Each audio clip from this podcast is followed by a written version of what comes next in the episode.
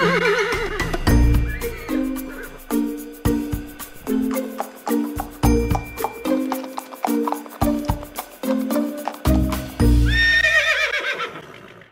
sitter jag här med en eh, levande legendar får man väl säga inom eh, hoppvärlden, Maria Gretzer. Välkommen hit! Tack så mycket. Har jag blivit så gammal? Nej, men man kan vara en legendar kan man vara hela livet. Det är sen när man börjar bli en legend som det, man ska vara orolig, tänkte jag säga. Okej, det var skönt att höra. Det här är ju lite av en historisk plats får man ändå säga för dig, för att det här är rätt coolt, men du blev ju första svensk någonsin, om jag har förstått det rätt, som vann en världscupsfinal. Nej, det, det är faktiskt helt fel och jag har... Det börjar bra. Ja, det börjar jättebra. Jag har försökt och eh, Eh, pratat med Lotta Amnestål och rättat det här, för det står i någon sån här mediaguide. Eh, och det är jättepinsamt. Det känns som att jag har hittat på det själv för att framstå som lite bättre. Men jag var den första svensk som vann en världscupstävling, alltså en en deltävling som att vi har, när vi har Göteborg när det inte är final. Och det är ju rätt stor skillnad från att vinna en hel final Ja. och vinna en deltävling. Så riktigt så bra var det inte. Okej, men du var första svensk här i Göteborg att vinna en världscupsdeltävling. Ja, fast det var inte Göteborg. där, där blir det nästan som en eh, sån här, eh, lite, vad, vad heter man, stand-up. Eh. Ja, det här var helt planerat faktiskt. Ja, det var faktiskt i Danmark. Ja, Ja. Perfekt. Men det var en världscup, så det... Ja, men vad kul. Vi eh, skippar den då och går vidare till nästa. Du kan ju bara rätta mig om jag har fel här resten av eh, kvällen. Det var roligt för precis innan vi gick upp på scen så pratade Maria om eh, du fick ju faktiskt en ganska ärofylld inbjudan får man säga till internationella olympiska kommittén och komma och lyssna på kvinnligt ledarskap bara här om veckan. Ja, eh, jag var inbjuden tillsammans med eh, generalsekreterare som numera är kvinnlig, Sabrina Ibanez. Och eh, jag tror att de eh, från FEI ville visa att de faktiskt har kvinnor i toppositioner och eh, så vi två representerade FEI på det här Women Leadership eh, eh, tre dagars kurs kan man säga i, nere i Lausanne. Och eh, det var otroligt både lärorikt och spännande. Det var väldigt, väldigt eh, högt uppsatta kvinnor från precis hela världen inom idrottsrörelse då. Och det du berättade för mig då innan vi skulle upp var att där fick du lite tips om hur man ska framförallt som kvinna då bete sig när man ska göra ett anförande eller hålla något slags tal och hur många fel vi gör. Och bland annat så kom vi överens om att man ska vara förberedd innan man ger sig på någonting. Så jag kände att det här började ju jättebra med både fel stad, fel tävling och fel, ja, fel häst hade jag säkert också. Men eh, du kan väl berätta lite, hur, vad gjorde du där på, vad pratade ni om på kvinnligt ledarskap? Det är just det här att eh, det var väldigt mycket olika. Eh, vi jobbade i grupper. Vi blev bland annat eh, ena dagen filmade. Man fick upp och ha ett kort anförande på några minuter inför alla. Blev filmade och blev coachade av två jättehäftiga kvinnor som naturligtvis var experter på det här. Så att eh, började med då att man gick fram här, om, man, om vi var, jag satt här nere, gick fram här, hälsade och ofta var det ju då redan, för många var det ju redan fel på handslaget. Ni vet när man hälsar som en död fisk. Eller man eh, kan hälsa så att man har en liten bubbla i handen. Mm, det, har, det visste jag faktiskt inte. Det är inte heller bra, utan man ska ta så. Om man skakar så, så är det Om jag hälsar på dig, känns det här som så. ett bra... Ja, fast Nej, jag har hade en lite bubbla. Mm, just det. Nej! Så Ja, att det, okej. det ska helst vara så utan bubbla, men det var ändå ett handfast, det var ingen död fisk, så det Nej. kändes ju bra. Eh, man skakar så håller man ju inte på så här massa gånger, max tre gånger.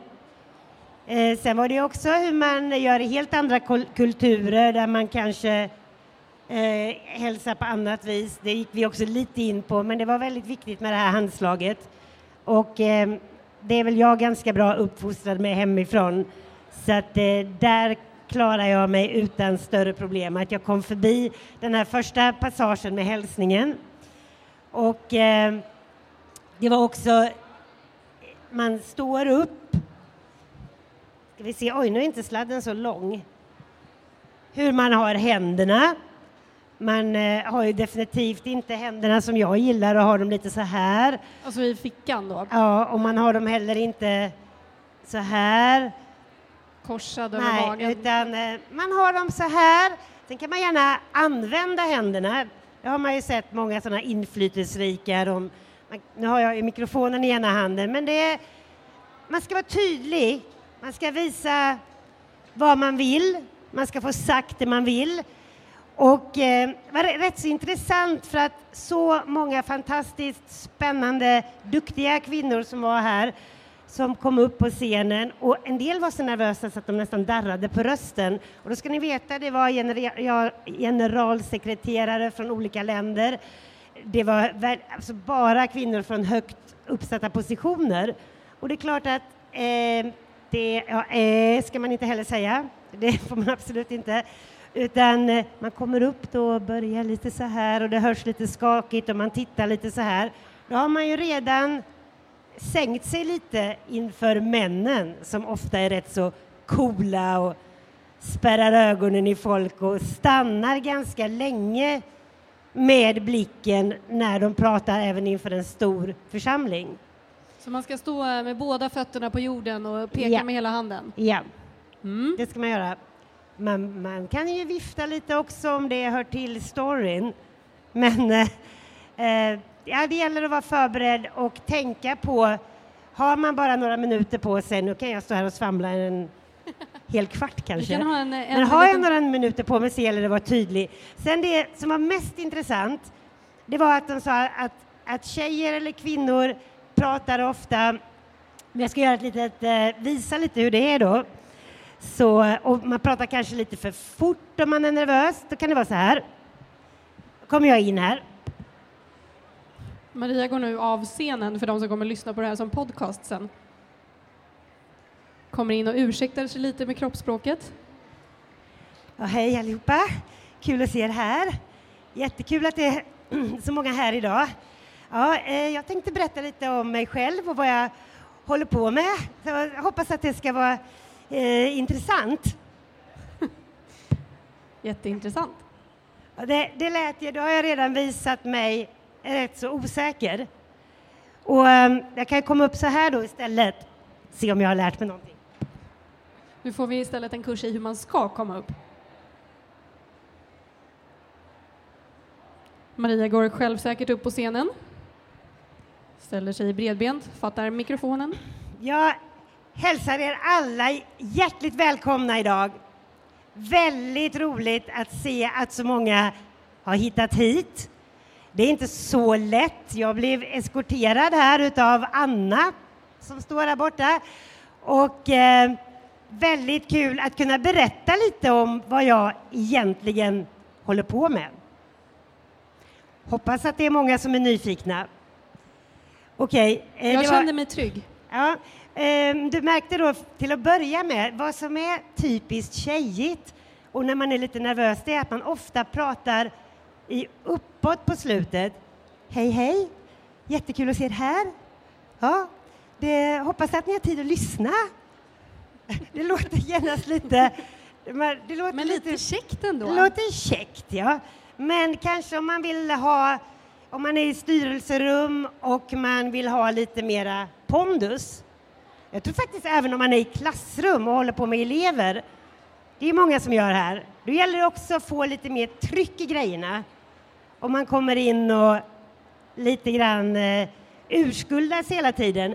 Nu eh, inbjuder svenska språket inte till så mycket att ursäkta sig som tur är. Men det var ju väldigt kul på det här när vi skulle lära oss. Det gick ju allting på engelska. Och då var det väldigt mycket så här. Oh, uh, oh, sorry. I'm really sorry. A little bit short here. alltså det, det var väldigt mycket ursäktande och eh, också när man märkte att man gjorde något av de här felen, eh, till exempel, då blev det så här, eh, oh sorry, och sen skrattade ju alla så de höll på att dö, så fick den stackars människan gå ner och börja om från början igen med handslaget, oj det blev en bubbla eller det var för fisk aktigt. Och sen fick man börja om och så blev det... Man såg att den stackars människan var helt svettig.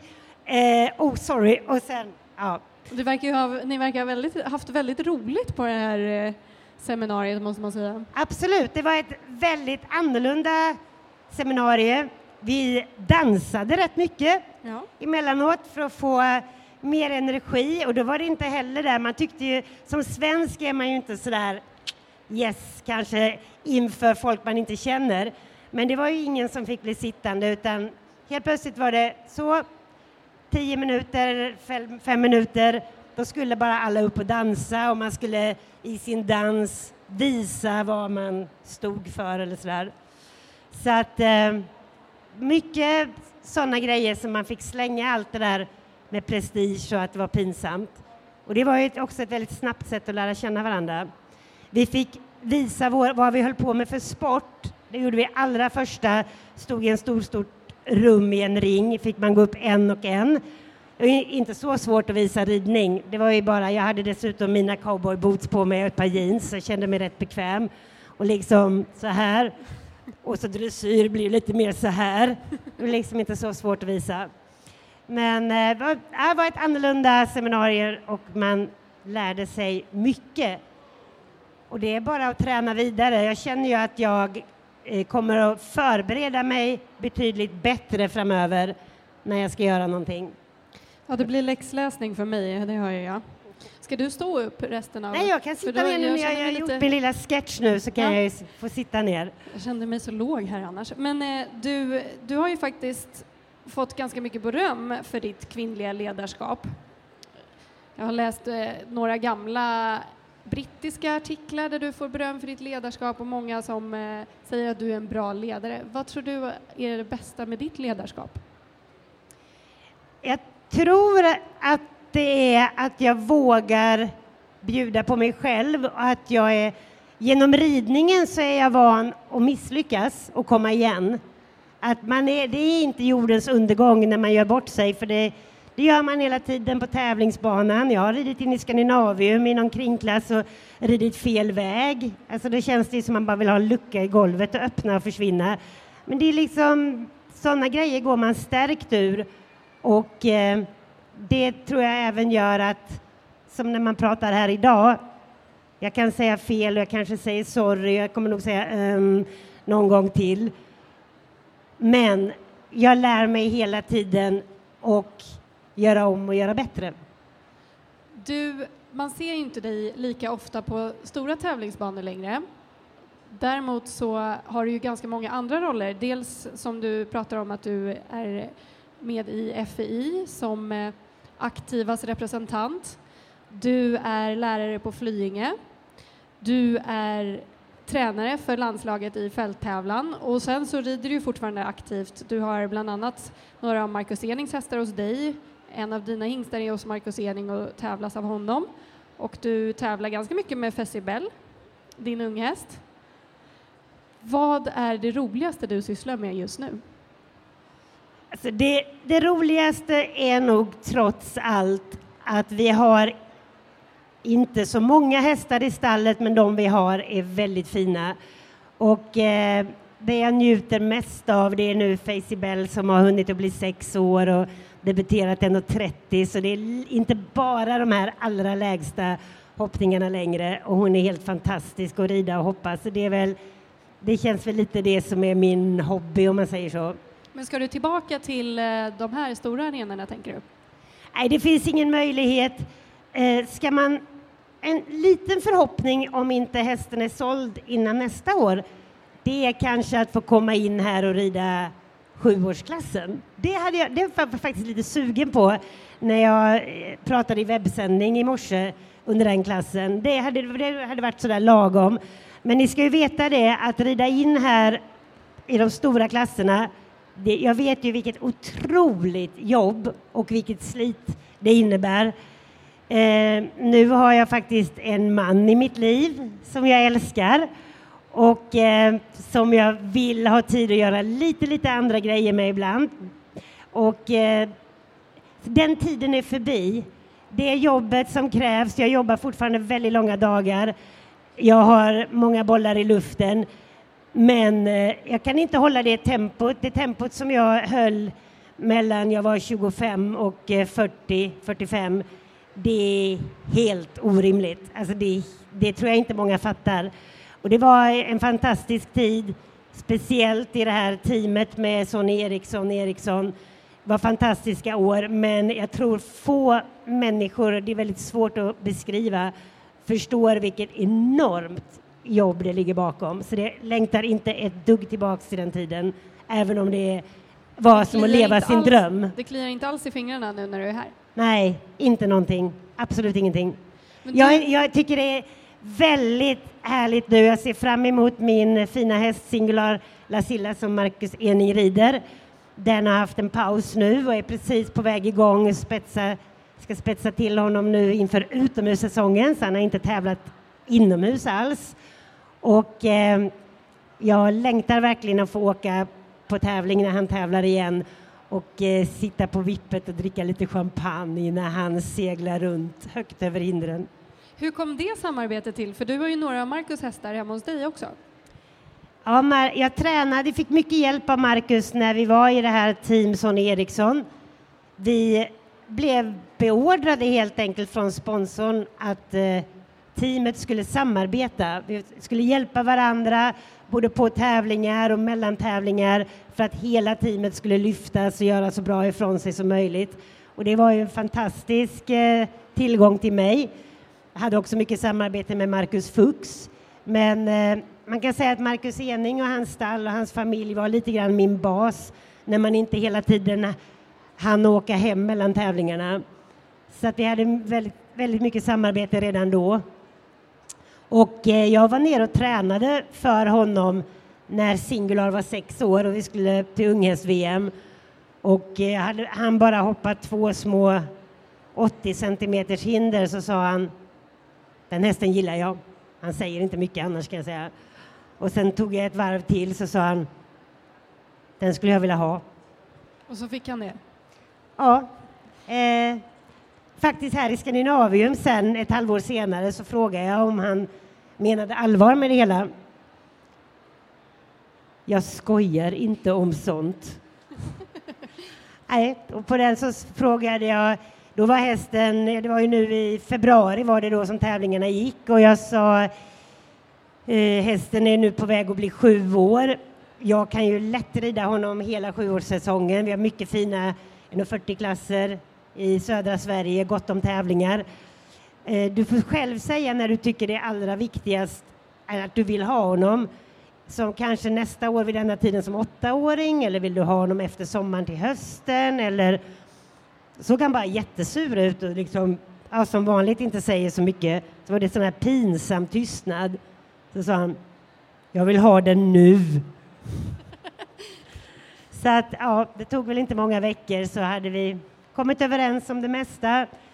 Eh, jag fick två unghingstar ifrån honom som jag jobbar med. De har hunnit byta ut och eh, två nya som jag haft i ett och ett halvt år nu. Så att, eh, jag tycker vi har ett jättebra samarbete. Så du tar hand om de yngre förmågorna och så tar han över dem sen när de ska ut och tävla lite högre? Precis så är det. Passar ganska bra i det jobbet jag har nu. Jag har en duktig eh, kille som jobbar hos mig, en anställd. Vi har ungefär bara fem hästar under sadel fem, sex, jag har en på flying också. Det passar ganska bra för mig när jag reser mycket och har mycket andra uppdrag att eh, just hålla på med unghästar som inte behöver min attention, vad heter det, min uppmärksamhet varje dag. Har väldigt bra hjälp av Robin som är hemma och rider också.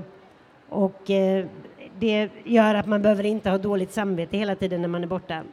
Men du eh, har ju varit förbundskapten för hopplandslaget mellan 05 och 2010. Har jag rätt där åtminstone? och nu så är du eh, tränare för landslaget i fälttävlan. Vad är den största skillnaden med att vara på hoppsidan och fälttävlanssidan?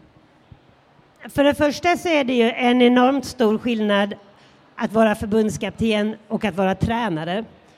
I tränarrollen känner jag ju, det är ju det, det, är ju det jag verkligen kan. Det är också mycket mer tacksamt kan jag säga. Förbundskapten får väldigt ofta mycket kritik och mycket skäll och eh, jobbar, har med sig jobbet dygnet runt, man kommer aldrig riktigt ifrån det. Har egentligen inte så mycket med träningen och det att göra. Och det är ju där jag känner är min, min starka sida. Eh, som fälttävlans, som hopptränare för fälttävlanslandslaget så går jag in och gör mitt jobb, det jag är bra på. Ofta väldigt tacksamt, ryttarna är väldigt tacksamma, 99 procent av dem i alla fall. Och eh, sen åker jag hem och är klar. Och vi jobbar väldigt intensivt nu, jag har haft mycket kurser här eftersom det är OS-år. Så att eh, jag åker faktiskt, flyger imorgon bitti klockan sju från Landvetter till Fontainebleau. Eller flyger till eh, Paris. Och eh, så har vi två ryttare som rider de största klasserna, eh, Sara eh, Algotsson Ostholt och Frida Andersén som eh, ska öppna upp där i Fontainebleau i tuff konkurrens. Så att jag ska vara på plats imorgon och hjälpa till lite, filma under terrängen och sen försöka vara till hjälp under banhoppningen på söndagen. Sen flyger jag tillbaka här på, sent på söndag kväll och på måndag tar jag ytterligare mitt litet extrajobb och eh, sänder med radion med, tillsammans med Christian Olsson som börjar bli en vana nu också, både dressyrfinalen och hoppfinalen. Du håller dig busy kan man säga, lugnt. Du gör ju faktiskt eh, lite succé får man väl säga som kommentator i radio. Du har också hållit låda på After Ride vet jag och gjort en riktig succé. Hur, hur kommer det sig att du blev kommentator? Är det någonting du vill fortsätta med? Ja, det, jag tror att det, det passar ganska bra, tycker jag, med det uppdraget faktiskt som jag har i, i FEI. Jag är ju ryttarrepresentant för samtliga grenar, så att det är ju inte bara hoppningen utan och även grenarna förutom OS. För att i Executive Board där jag sitter, det är ju en liten, liten klick som är över styrelsen, alltså det verkställande utskottet med presidenten, generalsekreteraren och eh, bara en handfull människor till. Och där kan, ju inte, där kan man ju inte ha en ryttarrepresentant för varje gren. Så att jag är faktiskt för samtliga grenar. Och därför är det väldigt eh, tacksamt för mig att jag har det här radiouppdraget som då, i alla fall när det är mästerskap, också eh, har, följer helt de tre olympiska grenarna. Och eh, även faktiskt under VM har lite koll på voltige och körning och försöker bevaka lite, lite grann i alla fall så man hänger med på det mesta.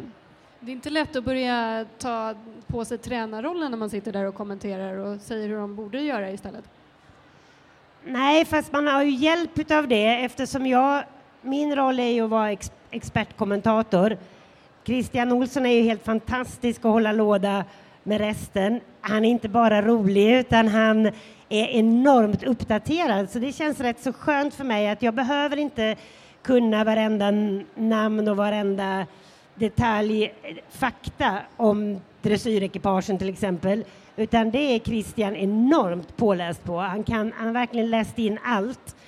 Och eh, min uppgift är helt enkelt expert att säga varför blev det inte de där poängen? Vad hände nu?